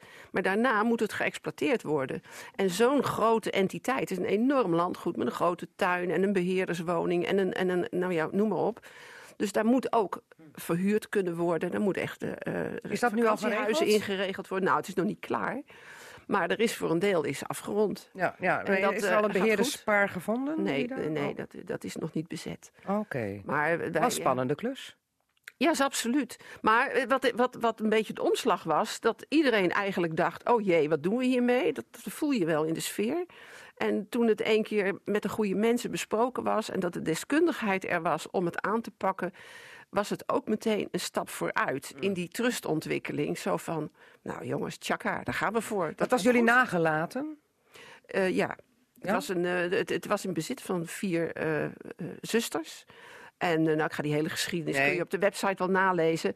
Maar hun kinderen wilden het niet hebben. Zij komen er nog wel. Als het nee, die zagen erbij al hangen. Nou, dat, is, dat gaat er maar aan staan. Ja. Bovendien wonen die allemaal verder weg. En er is bedongen, zolang zij uh, leven, dat zij dus het deel van wat straks gerestaureerd is, ook als vakantiewoning kunnen blijven gebruiken. Okay. Ja. ja, en daarna That's is the deal. ja. Oké. Uh, we gaan zo meteen nog even uh, na half twee naar het forum verder praten over uh, niet alle hoogtepunten. was ook een klein dieptepuntje, want er was volgens mij een directeur benoemd en die was binnen een jaar alweer weg. Dat was eigenlijk een beetje een mismatch, zeg maar. gaan we niet heel diep op in, want het is misschien bij Water Under the Bridge, maar dan gaat het toch kennelijk iets niet goed. maar eerst hoogste tijd voor... Cassata, het radioforum. En dat is dit keer een forum met drie dames. Zij zijn gewoon in de meerderheid, Ruben Esther. Er zijn gewoon vier vrouwen in de studio. Zo. Oh, daar schrik jij even van, hè? Want naast Ali Edenbos, die nu uh, gepromoveerd is tot forumlid van Cassata... zitten hier, u hoorde haar weer lachen. Agnes Muller, CDA Tweede Kamer en ik woon in Assen. En daarnaast... Willemie Meeuwissen, ik woon ook in Assen en ik ben fractievoorzitter bij de VVD in Provinciale Staten. Kijk eens, wat een mooie gekleurde tafel, zeg ik dan, uh, in dit radioforum. PvdA, een CDA en een VVD'er. Lekker bond. Goed, um, we gaan het hebben over de forumkwesties uh, die we hebben uitgekozen. Laten we toch maar even beginnen met het dreigement van de Farmers Defence Force. Hartstikke mooie Nederlandse benaming. Die willen distributiecentra van supermarkten uh, met trekkers gaan uh, bezetten of de weg ernaartoe. Maar dat leidt tot een rechtszaak. Centraal Bureau voor Levensmiddelenhandel, de CBL, die vindt niet dat de supermarkten de dupe moeten worden van de stikstofdiscussie. Want ze vrezen voor grote leveringsproblemen. En dat met kerst. Hebben ze terecht een punt, uh, Willemien Meeuwsen, ja, CBL? ik weet van wel. Ik weet van wel. Ik weet niet of dan de rechtszaak precies het, het uh, middel is, maar ik vind echt wel een punt. Nou ja, ze kunnen niet anders, want de boeren willen niet met ze praten. Ja, nou, die kan dus niet. Nee, hoor, ik vind, ik vind echt... Hè, ik, ik, heb heel veel... Um, um, eh, begrip, ook voor de boeren en ook welke situaties in zitten. En wij, proberen echt zo heel goed met ze mee te denken om daar zoveel mogelijk uit te, uit te slepen, zeg maar, uit, de, uit het oplossen van het stikstofprobleem. Maar ehm, eh, ja, dit gaat te ver. Ja, en wat zeg jij dan, ehm, Agnes Mulder? Nou, ik denk dat, uh, dat er ook niet, misschien niet alle boeren daar ook achter staan. Hè? Er is een bepaalde groep die dat misschien doet. En dus het is nog de vraag of het ook echt zo is. Hè? Want uh, daar hoor ik ook verschillende ja, zaken nog over. Niet bevestigd Precies. Dat de, de dus, van die ja, maar dat is natuurlijk wel een punt. En ik weet ook dat volgens mij maandag wordt er ook nog met de minister en ook de premier gesproken. Dus dat zou ook nog weer ruimte kunnen bieden dat zoiets misschien weer niet doorgaat. Misschien? Ja, geen idee. Ik weet niet wat daar exact op tafel ligt. Maar het is goed dat het gesprek wordt aangegaan. En ik denk dat heel veel boeren gewoon uh, ja, het water aan de lippen staat door alles wat er nu gebeurt. Dus ik snap het wel, maar radicale acties, daar ben ik eigenlijk niet zo voor. Nee, nou ja, we hadden het vorige week in het forum er ook over. Maar toen was er nog geen sprake van, van een rechtszaak. Maar toen had wel uh, Jan Brouwer, uh, hoogleraar openbare orde en veiligheid, gesteld. Nou, wat mij betreft moet, het, uh, moet, uh, moet de burgemeester maar het leger gaan inzetten. Want dit kan echt niet. Toen dacht ik, nou, het leger inzetten. Maar Ali Elenbos, die knikt, ja, leger inzetten. Nou, ik moet je zeggen, ik ben het helemaal met Willemine eens. Dit kan gewoon niet. Nee, dit en gaat ik bedoel, ver. ik begrijp het ook niet. Het, dit, dit, heeft ook niet het effect. Hè? Het publiek moet sympathie uh, gaan voelen voor hoe hun situatie is. Dat vind ik allemaal best. Uh, er is een enquête bij de LTO geweest trouwens, waarbij de meerderheid van de leden van de LTO hier helemaal niet voor is. Om dit soort radicalen, die zien ook hun draagvlak afbrokkelen. Ja, want het publiek Maar denkt straks van, heel ik wil hel- kerstboodschappen doen en ja, er maar is even niks. los daarvan, je kunt een ander zijn, ehm, zijn, business niet zodanig ondermijnen dat je probeert... eh, kijk, ik ben het heel erg met Johan Remkes eens. Hè? Die, die, die, die, dat gedoe in de, met die vuurwerktoestand in Duindorp. Je wil iedereen een beetje ruimte geven en iedereen mag iets. Maar de straat regeert niet. En dat betekent dat al ga je met honderdduizend trekkers de straat op. Het parlement moet een besluit nemen over hoe we met die stikstofcrisis omgaan. Daar moeten de boeren bij aan tafel zitten, moet je goed overleggen. Maar het machtsgebruik van al die trekkers, de politie kan er niet eens meer wat mee. Je zou bijna kunnen zeggen, de trekker regeert. Nou ja, zo zou je het kunnen zeggen. Dat is dus, en als je dan zegt. Ja, van, maar dat is wel vanuit onmacht natuurlijk Ja. dat ze dit doen. Hè? Dus, eh, eh, Ja, maar uiteindelijk hebben ze nou. wel heel veel macht met die trekkers. Want dat heb je wel kunnen zien de afgelopen tijd.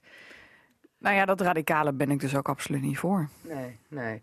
Maar goed, eh, hoe loopt dit af? Rechtszaak? Wat, wat, wat is jouw uh, voorspelling? Nou, ik, dat is eh, met Ali? vakbonden ook vaak zo. Als er, eh, als er vakbonden aankondigen dat ze met stakingen komen... en degene die daar last van hebben, die gaan naar de rechtbank... dan, Ja. dan kan de recht- rechter kan dat verbieden op voorhand. Ja, te zwaar middel, kan die zeggen. Want dat vind jij ook, hè? Ja, te zwaar eh, middel. te veel effect en Ja. ongecontroleerd. Ik denk dat hij niet kan zien wat, wat het effect is. Ja. En ik hoop, eh, ik, ik hoop dat die rechtszaak helemaal niet hoeft door te gaan... doordat ze er zelf vanaf zien. Dat lijkt Ja. me het verstandigste. Wat vermoed jij? Waar komt Carola Schouten mee? Ja, dat, Maar die heeft wel gezegd al... Ja jongens, we hebben wel een probleem en we moeten terug met die stikstof. Dus ik kan niet zomaar zeggen, want zij geloven er niet in. Hè? Ze geloven niet in de cijfers. Daar is Farmers for Defence Force ja, eh, dus dat is een gedeelte in. van de boeren. Hè? Dus Ja, ook niet ja, maar het gaat om een actie van Farmers Defence Force. Die gaan gewoon radicaal door. Ja, maar dat is dus nog de vraag of ze dat dus ook echt eh, gaan doen. En, en zolang dat niet helder is, is er ook ruimte dat het eh, misschien nog opgelost wordt. Misschien maken we wel ons druk om, een, om niks. Nou ja, dat dat het gewoon een dreigement is. Iedereen in de opperste staat van verwarring. lijkt me goed om dat wel aan de voorkant wel te regelen dan. Want eh, Ja. het kan niet zo zijn dat het dan toch doorgaat. En het wijze besluit van de rechter wordt maandag. Wat denk jij, Willemien Meeuwsen? Ja, ik denk dat het... Nou ja, ik ben geen jurist, maar ik, ik denk dat het wel verboden kan worden. Ja, goed. We gaan afwachten op eh, wat eh, de dag van maandag brengt. Eh, nu we het toch over hebben, stikstof, eh, natuurgebieden schrappen. Daar kijkt het kabinet naar. Maar het Planbureau voor de Leefomgeving zegt juist... er is tienduizenden hectares natuurgebied extra nodig...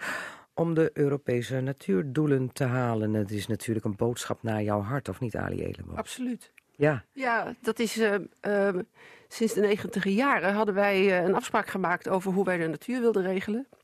Voor de toekomst. Dat heette toen ecologische hoofdstructuur. Dat heeft later eh, de naam, want dat was moeilijk te communiceren, zei men. Dus dat heet nu Natuurnetwerk Nederland. iets duidelijker. Nou ja, dat weet ik niet, what's in the name. Het gaat om hetzelfde. En eh, zoals wij het er zo straks al over hadden, hebben we het even over de hunzen gehad. Ja. Er moet meer natuur worden gerealiseerd om dat wat we toen afgesproken hebben klaar te maken. Niet om nog meer natuur, maar om dat wat toen besloten was af te maken. Een natuurgebied is niet efficiënt te beheren als het niet afgerond is. Vaak moet het water omhoog om goed beheer te voeren. En die laatste hectares, die zijn er gewoon nog niet. Als wij grond krijgen die begrensd is, waarbij het doel is dat het natuur wordt, die geven wij eerst nog weer in pacht aan boeren uit om dat gewoon te gebruiken tot we alles hebben. Ja. En uh, wat, wat eigenlijk, uh, ja, het, ik, ik kijk, het was vroeger een collega van mij in Groningen, maar hij is ook staatssecretaris geworden. Uh, op Henk Bleker. Henk Bleker. Kijk, die heeft eigenlijk de natuur, die is eigenlijk een beetje wortel van het kwaad geweest om de natuur te minimaliseren. Ja, die heeft de verbindingen geschrapt. Ja. En als je een beetje kunt nadenken over natuur, en daar hoef je echt niet een studie van te maken, dan weet je, ook door klimaatverandering, dat wat aan biodiversiteit moet kunnen trekken van het ene gebied naar het andere gebied. En als jij de natuur verbindingen eruit haalt. Dus het eerst moet de, de, natuur extra hectares hebben om de verbindingen te herstellen. Zodat die natuur robuust wordt en zichzelf ook. Want als er goede natuur is en er is goede biodiversiteit, dan heeft de natuur een groot adaptief vermogen. Maar je zegt dit nu op het moment dat de boeren, hebben we het net over gehad, met de trekker op pad gaan um, in verband met de stikstof. En nou wil het kabinet natuurgebieden schrappen, omdat dat juist hè, het probleem is, waar dan depositie is. En misschien hebben we wel allerlei natuurgebiedjes aangewezen, wat eigenlijk onnozel is, omdat daar nooit het beest zal terugkeren wat we daar ooit hadden willen, weer terug hadden willen zien. Ja, je doet nou net of die natuur aangewezen is zonder dat daar onderzoek aan gedaan is. Dat is niet zo. Dat doe, dat doe ik niet. Allemaal goede... Nee, maar ik snap die discussie wel. Maar het lost niks op. Het systeem waarop de boeren, landbouwbedrijven, moet gewoon wezenlijk veranderen. Je moet kijken wat is het draagvlak van Nederland? Wat kunnen wij hebben op onze bodem, onze lucht en onze kwaliteit van het mhm. water? En dan moet je kijken wat voor landbouw verdraagt zich dan. En ik weet wel, ik vind het. Ik, ik, ik hou van boeren. Eh, niet van het populisme wat er momenteel is en de dreiging van de mhm. radicale boeren. En wat ik in deze hele discussie heel jammer vind, is dat de boeren. Uh, Bijvoorbeeld hier in het noorden kennen wij allemaal Alex Datema. Die is met een grote groep boeren al aan het veranderen.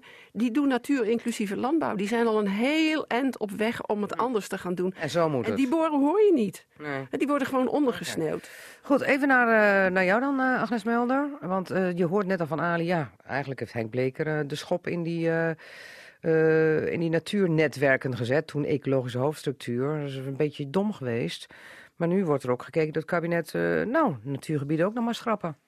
Hoe kijk jij er tegenaan? Nou, kijk, dat, ligt er dan weer aan wat je dan op andere plekken doet. Hè. Dus dat je misschien bepaalde boeren die vrijwillig willen stoppen. En dat je ook kijkt van hoe gaat het in zo'n gebied. Zo moet je denk ik ook uh, naar die natuur ook uh, kijken. En dan uh, zou ik ook denken van, uh, stel dat je bepaalde uh, plekken hebt waar, waar het niet wordt geleverd wat je misschien had verwacht of hoe je dat had gezien met elkaar. Qua natuur, daar, Ja, dat je, qua natuur, dat je daar nog eens even kritisch naar kijkt. Hè? En dan zou het best kunnen leiden dat bepaalde gebieden inderdaad geschrapt zouden kunnen worden.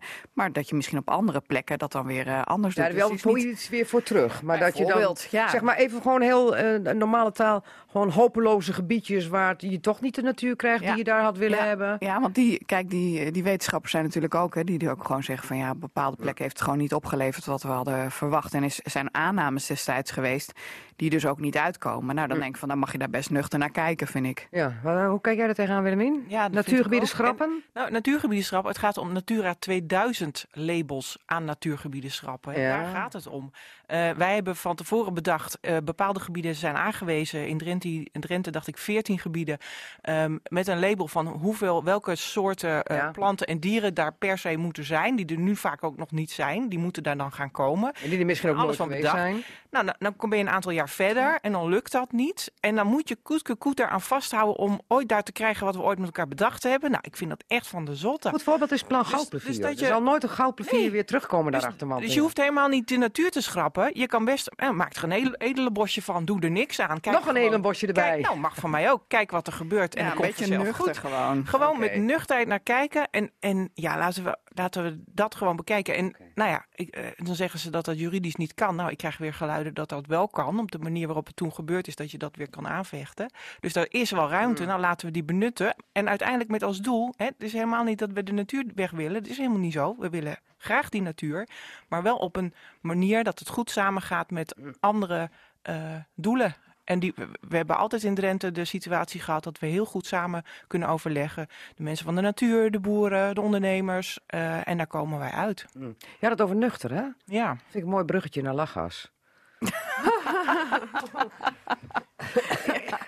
Agnes, eh, bij jou heb ik altijd het idee dat jij voortdurend aan een lachgasballon hangt. Nou, gelukkig niet zeg. Daar heb je die troep Omdat niet voor je altijd nodig. zo heerlijk ja, lacht. Maar weet je, daar heb je dus die troep niet voor nodig. Heb je het al eens geprobeerd om gewoon Nee. het effect even te Nee. weten? Nee. Ja, ik ook niet hoor. Nee, ik maar het is gewoon dus niet goed voor je. Hè? Dus eh, als iedereen dat nou maar even gaat proberen... en dan keilen we weer zo'n... eh, Ja, maar ik, ik ga niet gelijk aan zo'n tank liggen in, met eh, 20 ballonnen of zo. Maar, nee, maar ik bedoel, die, die, die ampullen-toestand, dat komt alweer in ons milieu terecht. Ik erger me daar gewoon kapot aan. Hmm. Het is gewoon qua CO2 en klimaat is dat ook nog eens een keertje slecht. Dus Nou, verbod zeg jij, opiumwet, Ja. doe maar, kom Ja, maar op. direct doen. Oké. Ali Elenbos, jij zit er wat in between, want we hebben het net in het eerste uur erover gehad. Nou, dat je kijk, zegt, verbod en, en, en dat op rijksniveau regelen. Is Ik goed. vind dat je dat niet bij elke gemeente, elke burgemeester moet laten. nee, maar dan doen, gaat iedereen weer op zijn eigen manier het Ja, weer en als de ene gemeente het regelt, dan vliegt het naar de andere gemeente. Weet je wel, we zoeken altijd water, zoekt het laagste punt op, zou ik maar zeggen. Maar ik, ik, het enige waar ik aan twijfel is. ehm, nou, laten we even zeggen, er zijn nu tien gemeenten bezig met het eh, onderzoek over het vrijstellen van, eh, van drugsgebruik. Ik even in alle. Mm. dat loopt. Er zijn burgemeesters die willen, die willen dat graag, omdat dat beter zou zijn. Ik weet daar niks van hoor. Met die wietproef bedoel je? Ehm, en als je nou ziet wat er op die lijst 1 of lijst 2 van de opiumwet staat. Ja, ik wist dat we het hierover moesten hebben, dus ik heb dat even nagekeken. Er staat cocaïne op, er staat lach, of, eh, ecstasy staan erop. Maar dat wordt geweldig verhandeld. Er wordt gigantisch aan verdiend. En Ja. wat ik van lachgas heel eng vind, is dat het eigenlijk een beetje de jeugd was die het gebruikte. Die verhandelde het ook. Nou, dan denk ik klein spul. Maar als je ziet hoe groot het is geworden. Het wordt overgenomen door de echte drugsmafia. Ja, maar ze rijden nu ook met dikke tanks hè, op een bakfiets. En Ja, nou, dan wordt het moet gewoon. We hebben het er net over gehad. Dus Ja. Het moet verboden worden, maar ik vind wel dat er heel goed onderzocht moet worden of dan de opiumwet. Dat is het enige wat ik daar dan nog. Mm. Het gaat om de manier waarop. Ja. Ja, en, en hoe kijk jij er tegenaan, Willemien? Want Erik Sings, eh, partijgenoot van jou ook uit Assen. Maar ja, die zat Korteland is ook een VVD, burgemeester. Die wil het wel graag hebben. Het maakt niet uit hoe, als het er maar komt. Nou, volgens mij is iedereen het erover eens dat het gewoon spul is wat je niet moet willen. Hè? Nee, maar als je al leest dat thuis, mensen eh, met dwarslesies eh, eh, zich melden bij ziekenhuizen. Enorme We toename. hebben thuis drie dochters, of twee die studeren al, die zijn uit huis. Nou, daar hebben we echt over, hè, dit soort onderwerpen hebben we het wel even over. En zitten die ja, dochters van jou dan ook aan een ballon? Nou, ze zeggen van niet. Ja, dat zei ik ook vroeger tegen mijn Ja, moeder dat ik iets niet ja, deed. ja. En stiekem toch wel. Maar goed, dat, Sigaretje op stak. dat is Ja. natuurlijk niet de bedoeling. Hè? Dat, dat, ook als ouder vind ik dat echt, eh, eh, nou, dat baart mij zorgen. Dus Ja. dat je denkt van, goh, kunnen we dat niet op een of andere manier verbieden? Daar ben ik het helemaal mee eens. En volgens mij is dat ook niet het punt, want daar is iedereen het wel mee eens. Alleen de manier Nou, daar is waarop... dus in de Tweede Kamer niet iedereen Oh, niet mee iedereen eens. mee eens. Nou, Nee, in nou, ieder geval- dus D66 en VVD in de Tweede Kamer zeggen Nee, van, niet VVD die zegt, je Nee, moet nee, het wel verbieden, alleen niet via de opiumwet. Ja, dat zei Ja, Erik Sings net ook inderdaad. Ja. En Erik Ja. Heeft Ja. ook gezegd. Ja, ik heb het Ja, gehoord. die, is, Nou, die is die bang is- dat de bakker straks niet meer lekker de slagroom kan kloppen met zo'n eh Kijk, maar we doen Als patroon. je het op die Lijmsnuiven is ook niet goed en we gaan ook niet de lijm verbieden. Nee. Dus je moet echt gaan of in de opiumwet stoppen. We gaan echt, je moet echt kijken wat, op welke manier kan je dit regelen. En kennelijk is daar nog wat tijd voor nodig. Nou ja, Kijk, laten we het goed we- Er werd verwezen naar eh, medisch gebruik hè, Ja. eerder. Het was eerder verboden voor 2016.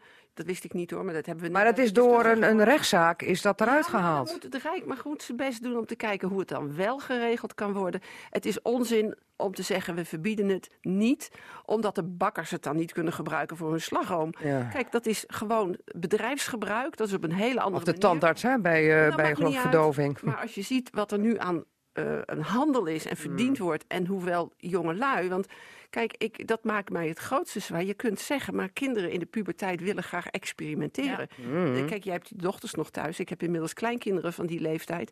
En die willen gewoon, daar maak ik me ook zorgen over. En dan denk ik, die rotzooi moet gewoon niet zo Mm. eh, gepromoot en aangeboden worden. en- En ehm, dus de VVD en CDA, de- de D66 weet ik niet, maar de VVD, eh, Erik Siens heeft net gezegd...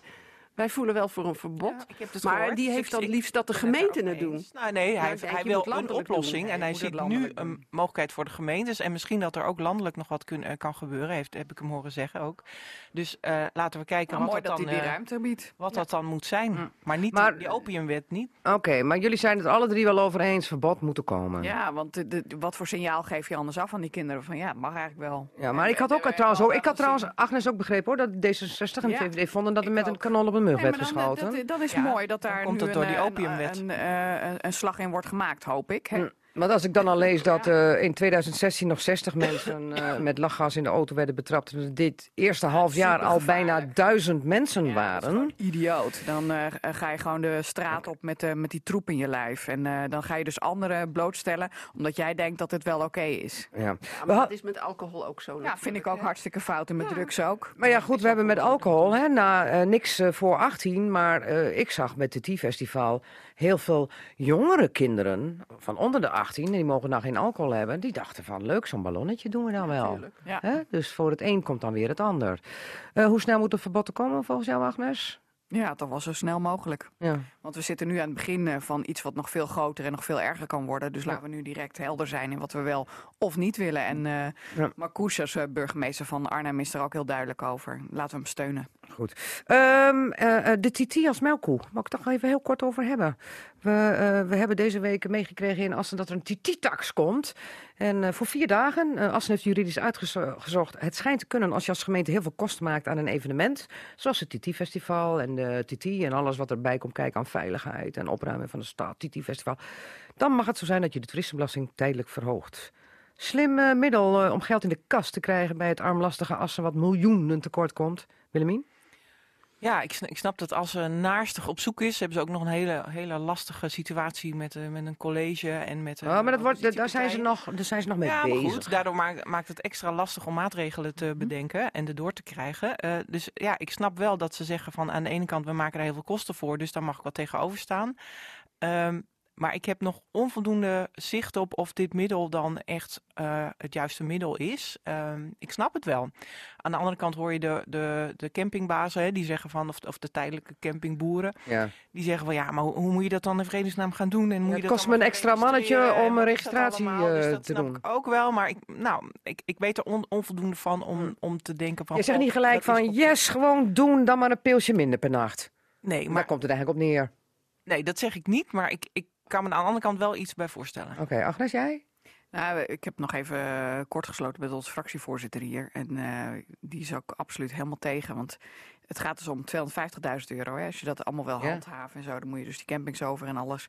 Wat een romslomp. Nee, maar die campingboeren die worden namelijk opgezadeld met een meldings- en registratieplicht. Ja, nou, en, en, en, vroeger werd altijd de natte vinger gehanteerd in Assen, hè, bij die TT-campings. Van hoeveel zitten er op een camping?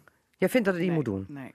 Ali? Nou, ik kan me er best iets bij voorstellen. Ik vind dat als ze ontzettend veel kosten moet maken om de rotzooi na die uh, TT-weekend weer op te ruimen, ik denk ook dat ze als argument dat goed in beeld moeten brengen wat ze allemaal moeten doen. En um, ik zie je straks in de toekomst gewoon dit voor veel meer dingen gaan gebeuren. Want als je ziet wat een rotzooi er wordt gemaakt bij sommige voetbalwedstrijden, hoeveel politie en hoeveel kosten de overheid moet maken om mensen die uit de band springen op de een of andere manier uh, te compenseren. Ja, dat, dat heeft op een gegeven moment zijn grenzen.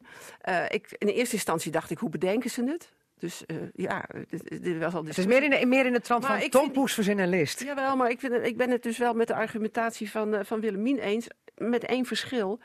Um, jij zegt die dikke vinger, dan zijn we die meteen kwijt. Want dat moet je ook niet willen. Er moet geregistreerd worden. Ja, die, die natte vinger. die natte vinger.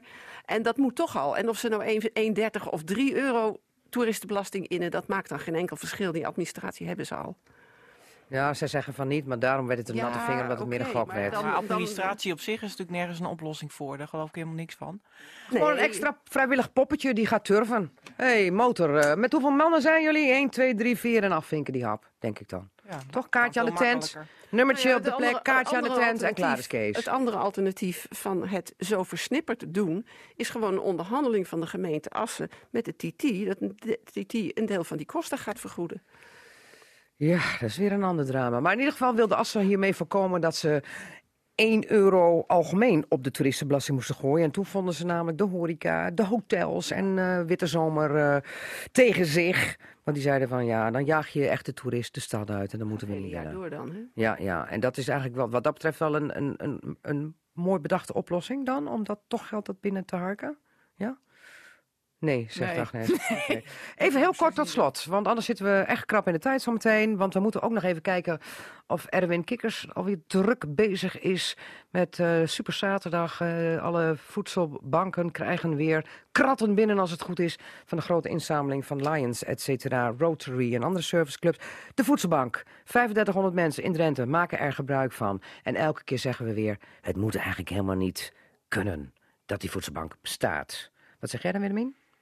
Nou, ik, ik denk, er zullen, hè, we hebben best een goed systeem in Nederland voor mensen die het zelf niet redden. Daar hebben we een mooi systeem voor, maar er zullen altijd mensen zijn, er zullen altijd situaties zijn dat er toch niet, mensen het niet redden. Dus goed vangnet? Dus ik denk, ja, nou ja, uh, ja dat is dan zo. Ja. Agnes, je bent zelf ambassadeur geweest voor de voedselbankactie van ja. Edwin Drenthe. Ja, het gaat je natuurlijk aan het hart, hè, want er, er zitten heel veel problemen gewoon achter van mensen. En, uh, en, je, en je hoopt dat die uiteindelijk worden opgelost, zodat ze eruit komen.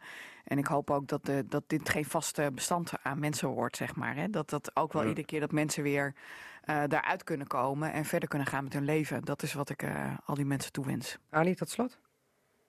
Ja, ik zit er. Kijk, er zullen altijd mensen zijn die buiten hun schuld uh, hier gebruik van moeten maken. Dat, dat, dat zijn niet alleen mensen met het laagste inkomen nee. of mensen de, de, de werkeloos. Aan de andere kant vind ik wel dat er inmiddels wel een hele hoop mensen redelijk vast al langdurig bij de voetbal zijn. En ik vind dat uh, wij moeten misschien wel eens nadenken of het minimum bestaan, wat wij, uh, de, de, het geld wat je nodig hebt voor minimum bestaan, of dat nog wel uh, in overeenstemming is, maar of je er ook minimaal van kan bestaan in Nederland. Kortom, ik vind eigenlijk wel dat we eens naar de uitkeringen moeten kijken. Goed. Uh, lijkt me een mooi slotbetoog van jou, uh, AD Edebos. Forumleden, dank voor jullie inbreng uh, vandaag in dit Casata Radio Forum. Zometeen alles over kerst in de machinefabriek met Rosa da Silva... en haar plannen voor een avondvullende theatervoorstelling. Rosa, welkom. Ja, dank je. Wanneer kunnen we trouwens naar de machinefabriek voor die kerstvoorstelling? 17 en 18 december. Komende week? Yes. Dinsdag en... Nee, zeg ik dat goed? Ja, dinsdag en woensdag. Dinsdag en woensdag. Om 8 uur. En zijn er nog kaarten? Ja, er zijn nog kaarten. Oké, okay, en, dan, en dan is uh, Rosa da Silva in kerstsferen? Ja, ik speel mijn uh, voorstelling Daar moet je heen. En dan verkerst eigenlijk. En uh, Karin Noeke speelt haar voorstelling DNA. En ja, rond onze voorstellingen zijn ook allerlei hele leuke kerstige dingen te doen. En ja, dus dat wordt heel leuk. En jij bent dan in kersten nu als een soort kerstengeltje? Moet ik me dat voorstellen? Uh, nou, misschien dat ik wel een soort kersttouch doe bij, aan mijn kostuum. En, uh, en Remco ook, mijn muzikant. Maar, uh, maar veel glitters. Veel glitters en glamour. Ja, veel glitters en glamour. Ja, zo. Ja, want ik noem haar de, onze Portugese Drentse. Of is het onze Drentse Portugese? Uh, Drentse Portugezen, doe dat maar. Oké, okay, Drentse ja. Portugezen. Voordat we straks met de, deze Drentse Portugezen over daar gaan wij heen. Daar moet je heen. Oh, daar, sorry, daar moet, moet, moet, moet je heen praten. Ali Edebos is speciale tafelgast. Um, 12 jaar uh, was ze voorzitter. Recordhoudster wordt ze daarmee van Stichting Het Drentse Landschap. Voorzitter van de Raad van Toezicht.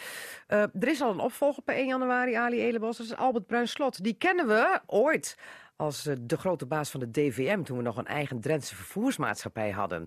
Hij is uh, directeur bij Alescom geweest. Hij is nu voorzitter van de Raad van Bestuur van het Drenthe College. Vroeger noemden we dat gewoon een directeur... maar tegenwoordig heet dat ja. voorzitter van de Raad van Bestuur. En die gaat in maart met pensioen... en die gaat vanaf 1 januari in jouw schoenen staan...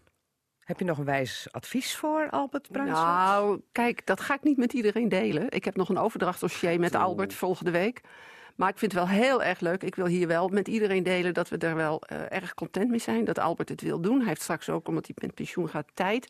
Maar Albert is voor Drents Landschap ook geen oude bekende. Want toen het nog een vereniging was... Dat is eigenlijk in de tijd voordat ik uh, van gedeputeerde dus uh, naar Drents Landschap ging. Toen heeft hij ook al een tijd in het bestuur van het Drents Landschap gezeten. Dus, oh, dus hij is weet een, van Wanten. een oude bekende. Het is een oude bekende. Ja, ja. En wij zijn ontzettend blij dat hij gesolliciteerd heeft. En hij, uh, ja... Oh, moet je solliciteren? We hebben advertentie gezet. Je had ook kunnen solliciteren hoor, als je dat had gezien. Ik heb hem gemist, die advertentie. Nou, jammer dan. Dat, ik, dat, ik denk dat, dat, ik dan... Dat gebeurt wel eens vaker. Ik denk dat ik dan dikke stront met mijn vader had gehad. Oh. Maar die is nog altijd boer. En nou, maakt dan... dat nou uit? Wij doen heel veel samen met boeren. Oké, okay, maar als dan zijn dochter uh, voorzitter wordt van de stichting van de Raad van Toezicht van Stichting Het Drentse Landschap. Oeh. Nou, kijk, je hoeft niet meteen voorzitter te worden. We, hadden, we, we oh. benoemen drie mensen, in de, uh, nieuwe mensen in de raad. En Albert wordt voorzitter. Nou, één, nou, één klein vlekje op jouw blazoen, Ali Edelenbos. Ik, ik zeg nu jij, mag wel, hè? Want in het forum deden ja, doen we ook altijd we jij. altijd gewend. Oh, Oké. Okay. Uh, wat ging er mis met de benoeming van Erwin van Liemt, de nieuwe directeur die Erik van der Beeld moest opvolgen in 2016? Want die is binnen een jaar ja. weg, voetzie. Ja. Uh, nou, ik kan aan het eind gaan staan dat we dat in onderling overleg en met goede afspraken uh, hebben beëindigd. Ja. Verder zeg ik er niet van. Het is altijd heel erg omvloers voor iemand die gewoon niet op de goede plek zat. Verkeerde mannetje gekozen. Jammer dan, pech. Kost geld. Nou ja, dat is misschien een aardige samenvatting. En doet zij verder het zwijgen toe? Dat hebben we afgesproken. Oké. Uh, ieder moet weer verder uh, met zijn eigen uh, pijn. Het was een moeilijke periode. Maar kijk, als Drents Landschap zijn we er uiteindelijk, ik zou bijna zeggen, heel goed uitgekomen. Wij hebben een directeur gekregen. Sonja van der Meer. Sonja. En die Uit eigen in huis. eerste instantie dat niet wilde doen. Maar zag wat er allemaal gebeurde. Dacht van, die verantwoordelijkheid moet ik misschien nemen. En dat is eigenlijk de afgelopen, zolang ze er zit nu, hè, dus is per 1 maart 2018 benoemd. Dat, ik zal je wel vertellen, dat uh, gaat crescendo. Goed. Ali Elenbos, jij had ook nog een verzoekje. Ro Rosa da Silva, wat zei jij meteen? Ook Klazinaveen. Klazinaveen. Over de over, overwonden. Klazinaveen. Voor een Portugees is het hier best vlak. Je kan hier al emmen zien en alles stil om een uur of tien. Hier in Klazinaveen.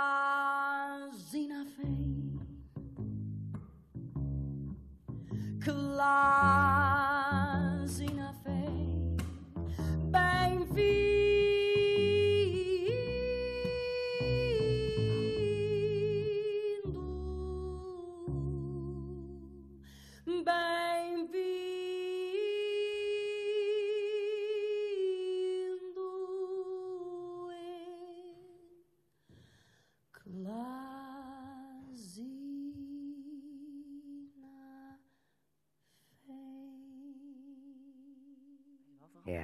Ja, daar word je stil van, hè? Ik, ik, volgens mij is Klazinaveen nog nooit zo mooi bezongen. Nee? Nee, toch? Nou, weet ik niet. Ik weet niet of Daniel uh, ooit eens... Uh, er zit ook wel Klazinaveen in, in zijn liedjes, volgens nee, mij. Maar niet op zo'n Nee, maar dat is ook manier. natuurlijk de hele, het hele ding. Ik wilde ook echt een fado-feel ja. over Klazinaveen. Ik vond het ook geweldig. Ik moet je eerlijk zeggen, het is bij de culturele prijs volgens mij geweest. We zaten Ja. in de zaal. Maar dit is nu een heel klein stukje. Ik moet iedereen even aanraden om even helemaal te luisteren. Want ik heb nog nooit iemand over een wan gedrocht als een ovonde. Dat is een ovale rotonde. eh, een vado horen zingen. En dat doet ze echt fantastisch. Nou ja, Rosa de Silva doet heel veel fantastisch. Want ehm, ja, we prijzen haar bijna de hemel in. Want je hebt een heel goed jaar eh, bijna achter de rug. Je hebt natuurlijk een, eh, een hele mooie prijs gehad. Een landelijke prijs, de Zonneveldprijs. Ja. En daarbovendien ook nog de publieksprijs bij eh, eh, Het Amsterdamse Kleinkunst- Kleinkunstfestival. Kleinkunstfestival. Ja. En toen kreeg je ook nog even een vette Shaffi-check van 2500 euro voor een avondvullend programma. Ja. Komt die er nu, dat avondvullende Ja, die Want komt. Die, die komt! Yes! Ja? Ja, en, En- hoe? En Ik, hoe? ja, ik ben, eh, ik ben nu aan het schrijven. Dus ik, eh, ik ben nu bezig om het, om, zeg maar, dat, het Amsterdamse Kleinkunstfestival was een half uur. Ja. Dus daarmee heb ik dat, met dat programma heb ik eh, gewonnen. En dat half uur moet ik nu tot anderhalf uur gaan uitschrijven. En dat gaat op 8 november 2020 in de Kleine Comedie in Amsterdam in première. Schrijf maar even op, Margriet. 8 november 2020, dat is 20. volgend jaar. Dus Yes. over een jaar. Ja, En, en, en dan ga je toeren door heel het land? ja, dan gaan we. Ik ben nu iets van 80 Wie zijn keer we? verkocht. Eh, Remco Wind en Ja? ik. Ja. De man die u net hoorde op die hele lekkere zware Ja. contrabas. ja, die zwoele man op die zwoele contrabas, die gaat Ja? met me mee. Ja, oké. Ja. Niet, toevallig jouw partner of alleen Nee, nee hoor, die zit hier. achter. Oh, oh die partner zit daar. Oh, sorry, partner. Excuus. Nee, Remco is, eh, nee, is mijn muzikant. Maar dat avondvullende programma, ehm, dat was al een droomwens van je toen we in januari, 20 januari 2018 om precies te zijn, het du- de duizendste Casata vierden. Toen heb je hier live opgetreden, ook met Mhm. vier nummers. Toen heb ik geadviseerd om bij Kees Ber langs te gaan. Want de provincie Drenthe zou misschien ook een bijdrage kunnen Ja, toen hadden we het daar nog over. Ja, Ja. goed, dat heb ik wel gedaan. In, in combinatie met het Noord-Nederlands toneel. Maar toen dacht ik van, ja, ik wil eigenlijk met een festival meedoen. Omdat, eh, want ik had ook gesproken met een impresariaat. En zij zeiden tegen mij van, het is gewoon heel goed om als beginnend cabaretière eh kleinkunstenaar... om mee te doen aan zo'n cabaretfestival. Want dan heb je en heel veel ervaring, je Ja. wordt gecoacht. En eh, nou ja, als je ver komt in die halve finale kan je toeren door Nederland. Dus dan zie je heel veel theaters. En ja, dat leek mij een, toch een, een logischere weg. Omdat ik ook nog in het maken van een voorstelling natuurlijk wel vrij aan het begin zit. Ja. Ik heb veel gespeeld, maar moet zelf nog ook ontwikkelen als theatermaker. En daar is, dit was fantastisch. En als je het dan wint, wat ook was gebeurd. Dat ja, maar dan had je toch natuurlijk, naar Kees kunnen gaan en zeggen... Meneer Bijl, moet ik dan eigenlijk zeggen. Had je toch kunnen zeggen... Kijk eens, ik heb eh, het Kleinkunstfestival gewonnen. Ik heb eh 2500 euro Shaffi-check. Mhm. Wat kan de provincie er nog bij doen? Oh ja, maar dat, eh, dit Ja? gesprek, ja, dat komt ook nog. Oké. Dat is nu, eh, dat, dat, ja, dat zit eh, in mijn hoofd hoor. Dit, eh, dan kun je gewoon van zeggen van, hoe noemen ze dat altijd? Co-financiering. Ik ben Drentse, kom uit Klezinaveen, Kees. Nou, Nou, Kees ja, komt het zelf is- bij die gemeente. Het is natuurlijk wel zo dat ik, ik, ik vertel verhalen en ik maak liedjes ook over Drenthe. Dus het, is, het zou natuurlijk fantastisch zijn als zij, als zij dat leuk vinden tenminste, om mij daarbij te steunen. Want Want het is een Drenthe-product. Het is een, ja, toch wel een gedeelte, een, een Drenthe-product. Ja. Want eh, je hebt nu een half uur. Ja. eh, bezinkt daar ook eh, Drenthe, van alles. Ja. Hoe ga je die anderhalf uur dan verder invullen? Komt dat ook weer tot een samenwerking met Daniel Lois? Ja, we gaan wel, we gaan nog een keertje samenwerken. Want we hebben dus nu vijf nummers, heb ik al met hem gemaakt. En, maar voor anderhalf uur wil ik daar wat bij. Dus ik ga met hem maken. En ook met Remco Wind ga ik ook componeren. Eh, En wat ga je dan verder behalve zingen vertellen? Want wordt het dan een Ja. vertel? Nou, dat is dus dat is, dat is de vraag. Ja, het, is, eh, het zijn, eh, want nu, mijn half uur, eh, ja, dat, bestaat nu uit verhalen, personages, liedjes, sketches. Dus het is echt een, een, een, ja, een soort verzamelprogramma. En in die lijn wil ik wel verder, want ik vind ja, eh, typetjes, personages spelen, denk ik wel het allerleukste wat er is. eh, naast het zingen. Eh, en die lijn, in die vorm wil ik het voortzetten. voortzetten. En ja, ik ben nu gewoon nog bezig met allemaal verhalen verzamelen. Dus van wat ik nu meemaak, wat ik vroeger heb meegemaakt. Verhalen uit Klazineveen, uit Portugal. En dat wordt dan een mix. Maar de rode draad en zeg wat ik, de boodschap, ja, dat is nu het werk. Dus daar kan ik nu nog niet zoveel over vertellen. Oh, oké. En als mensen denken van hoezo Portugees? Nou, je ziet het wel aan haar als jullie naar eh, tv kijken, naar, eh, naar Casata. Dan kun je wel zien hoe Rosa eruit ziet. Want eh, je bent een, een mooie mix, mooi afgebakken mixje geworden van een Drents met een Portugees. Hè? Oké. Ja, toch? Ja, nee, ja. Mooi afgebakken. Eh, Dankjewel. Ja, die kijkt me even aan van dat ze dat nou weer zegt op die manier. Ja, toch nou mooi ja, afgebakken, Dat kan toch? jij alleen maar zeggen. Ja, Ja, nou, het precies. is gewoon Ik weet wie het zegt. Het is een compliment, Ja, hoor. hartstikke lief. Ik vind het leuk hoor. Oké. Ehm, eh, even een ander dingetje, want we Ja. kennen jou behalve als kleinkunst ehm, eh, en cabaretière, eh, ook als actrice. Mhm. Ja. Pauperparadijs. Ja. Komend zomer, als iedereen genoeg kaartjes in de voorverkoop koopt, dus Aliegos kopen, Ruben kopen, ga jij weer meespelen? Want jij was Aagje. Nou, wat? Jammer. Nee? Ja, heel jammer. Ja, ik kan niet. Want ik ben mijn eh, avondvullende voorstelling aan het maken. Dus ik, was, Oh. ik was benaderd, maar ja, ik, kan, ik kan het helaas niet doen. Want dan, eh, ja, dan, ik kan het niet combineren. Onmogelijk. Je speelt namelijk het zielige meisje Aagje. Dat deed je heel bevlogen. Want ik ben geweest op het moment, dat was een, twee personen speelden die. Ik ben geweest toen jij dat was. Leuk. Ja, Maar Nee, wat was- vind je ervan dat Pauperparadijs ehm Ja, mogelijk super. weer terugkomt? Ik hoop heel erg dat natuurlijk dat er genoeg kaarten verkocht worden en dat ze dat weer kunnen spelen. Want ik heb het met heel veel plezier gedaan. En ook in Veenhuis heb ik het gedaan. Dat was te gek. Dus dat is, eh, ja, dat moet wel eventjes eh, gaan gebeuren. Maar betekent dat nou dat je heel veel dingen nu niet kunt doen... omdat je helemaal in dat avondvullende programma zit... wat je nu moet maken? Nou ja, het is, het is, ik heb wel wat audities af moeten zeggen, maar dat vind ik niet erg, want eh, ik wil hier gewoon helemaal voor gaan. En dat, dat kost gewoon tijd. Het is niet zo van, ik ga in een week eventjes een anderhalf uur, dat, dat moet je uitproberen. Dan moet je weer aan de schrijftafel, moet je nog een keer uitproberen. Dat is gewoon een heel proces. En dat is net met een album maken, dat, dat kost tijd en energie. En als ik dan allemaal andere dingen daarnaast ga doen kunnen wel wat kleine dingen zijn, maar zoals Pauperparadijs, dat, ja, dat wil ik dan ook gewoon helemaal goed doen. En, eh, Het kan niet en en. Nee, dan ga ik het half doen en dat wil ik niet. Krijgen we dan trouwens ook nog eens, als jij dan eh, op 8 november 2020 in de kleine komedie ehm, eh, daar vervolgens door het land door, mee doorgaat, Ja. ook nog een mooie cd of wat dan ook met die liedjes van jou? Ja. Want daar is nu helemaal niks van. Nee, ja, het is echt verschrikkelijk. Ja, Ja. nee, maar het komt eraan. Maar dat komt omdat ik, ik wil eerst nog met Daniel en met Remco meer nummers gaan maken, zodat ik echt, ja, tot een stuk of 10, 12 nummers en dan die heel goed gaan opnemen. Want anders dan ga ik twee keer studio in en dat kost hartstikke veel geld. Dus daar ga ik nog even mee wachten. Oké. En dat, dat het echt wat flink een aantal nummers zijn en dan, dan eh, komt het op Spotify. Oh ja, dan kan je helemaal gek, helemaal crazy draaien. Ik sluit af met de woorden, ehm, eh, Ja? daar moet je heen. Daar moet je heen. In? Op 17 en 18 december heb ik een onwijs leuke kerstshow in de machinefabriek in Groningen. En er zijn nog kaarten, kaarten via www.rosadasilva.nl. Je luisterde naar Cassata. Dat is te beluisteren als radioprogramma op zaterdagmiddag, maar sinds kort ook als podcast. Net als het programma Drenthe Toen.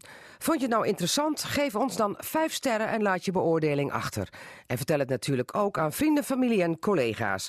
Daar help je ons mee, zodat we nog meer luisteraars kunnen bereiken. Tot volgende week.